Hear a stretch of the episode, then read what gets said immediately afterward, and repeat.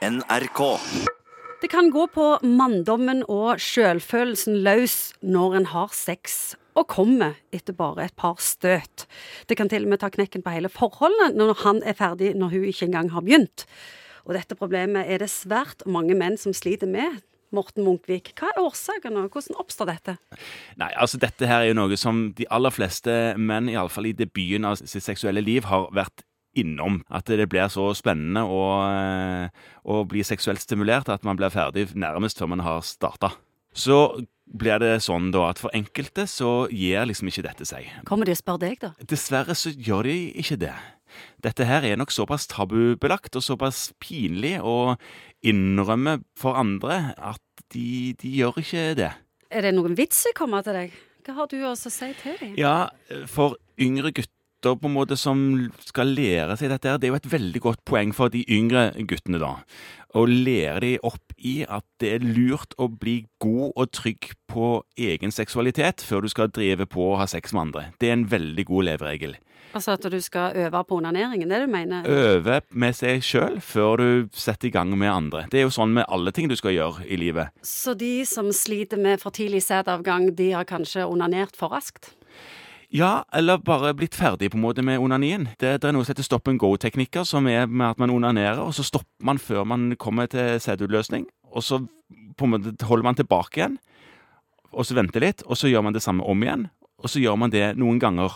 Og det kan lære systemet i at det er ikke bare et race fra A rett til Å, så var du ferdig med det, men det, du skal liksom pirre litt. Grann, og bli vant med at det er en pirring som òg er med på nytelsen. Bedøvende salve, da? Eller Viagra? Ja, det er to forskjellige. Altså, ja, La oss ta det første først. Det syns jeg blir deprimerende. Det, selvfølgelig funker det. Du kan smøre på xylokain eller Emla-krem på glans penis. Men så føler du ingenting. Det, det du faktisk har da, det er jo på en måte en, en finger. Ja. Som sitter veldig rart sted på kroppen. Og så bruker du den til å ha sex med. Da kjenner ikke du en tøddel. Og du kan holde på som en uh, gud i timevis. Du vil aldri klare å få sædutløsning eller orgasmefølelse, men hvis det er det du er ute etter, å være den helten i sengen som ikke har noe godt med det, så vil det funke. Men du må huske å vaske av den der salven hvis du tar den på, for det at du bedøver jo damer òg. Sånn at det må du jo da i alle fall gjøre. Ellers så blir det jo bare sorgen. Nei, men det syns jeg egentlig er en dårlig idé. Viagra, men det vil, ja, Viagra. Den vil jo ikke gjøre at du holder lenger. Den vil bare gjøre at du får en god ereksjon.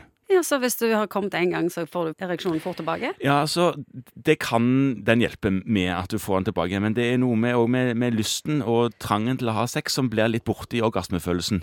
Så du kanskje vil det hjelpe noe, men eh, Viagra funker jo bare eh, med å gi en ereksjon i de tilfellene hvor du faktisk er ute etter å få en ereksjon.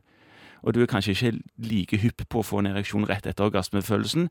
Iallfall vil en del menn da heller føle på en form for utmattelse. Du, Jeg leste om at lykkepillen kunne ha den effekten at du kommer seinere som mann. Det er helt riktig. Det er en medisin som før ble brukt i depresjonsbehandling, som kan være med på å utsette sædavgangen. Det fins nå òg en som du kan ta ved behov, de gangene du skal ha sex, da. Okay. Som en slags, eh, slags Viagra-pille, men den gjør at du skal holde lenger. Den er ganske dyr, eh, og må brukes eh, Hva er dyr? den koster nok noen hundrelapper, i alle fall den, for hver gang du skal ha sex. Men disse andre medisinene, som du sa, de litt eldre antidepressiva medisinene, de tar du hver dag, i liten dose. Sånn at de, de gjør ikke noe med ting med humøret ditt, og det er ikke sånn at du påvirker det noe, noe videre. Hvis du ikke er deprimert og tungsindig, så vil de ha minimal effekt på det. Men de kan ha den bivirkningen at du utsetter sædavgangen. Og det er jo det du er ute etter i dette tilfellet, og det koster veldig lite. NRK.